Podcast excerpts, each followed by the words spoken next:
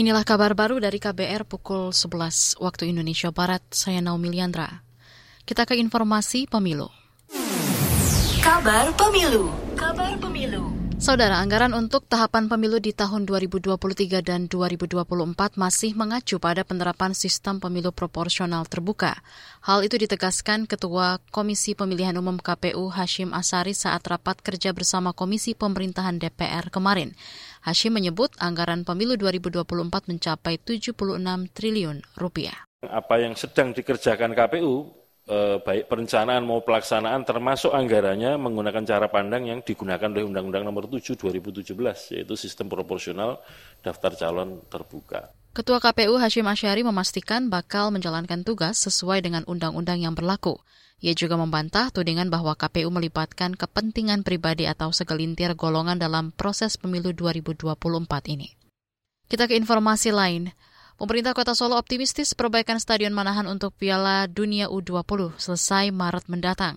Wali Kota Solo Gibran Raka Buming mengatakan saat ini tim dari FIFA masih mengecek kesiapan stadion berkapasitas 25 ribu penonton tersebut. Sudah dikasih jadwal sampai akhir Maret nanti ada perbaikan dari PUPR ya. Tunggu, kan mereka masih di mana? Ditunggu ya. Nanti kita tunggu ya, inspeksi dari FIFA seperti apa. Yang jelas tidak ada pekerjaan-pekerjaan memperbaiki yang kecil-kecil aja. Berarti dengan waktu yang ada ini uh, Cukup cukup. Maret minggu keempat. Itu tadi Wali Kota Solo Gibran Rakabuming, selain Manahan, stadion yang akan digunakan untuk venue Piala Dunia U20, antara lain Stadion Utama Gelora Bung Karno di Jakarta, Stadion Sijalak Harupat di Jawa Barat, Stadion Gelora Bung Tomo Surabaya di Jawa Timur, Stadion Jakabaring di Sumatera Selatan, dan Stadion Kapten Iwayan Dipta di Bali. Kita ke informasi mancanegara.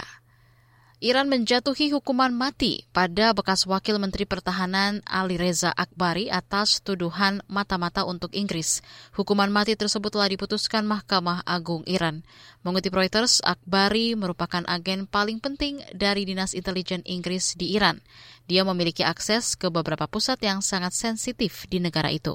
Akbari diduga dengan sengaja memberikan informasi kepada dinas mata-mata musuh. Sementara itu Inggris menilai hukuman mati terhadap Ali Reza Akbari bermuatan politik dan meminta Iran mencabutnya. Menteri Luar Negeri Inggris James Cleverly menyerukan agar Akbari dibebaskan. Akbari yang ditangkap pada 2019 dekat dengan Syamkhani sejak perang Irak-Iran pada 1980-an. Saat ini Ali Syamkhani menjabat sebagai Sekretaris Dewan Keamanan Nasional tertinggi Iran. Saudara, demikian kabar baru KBR. Saya Naomi Liandra.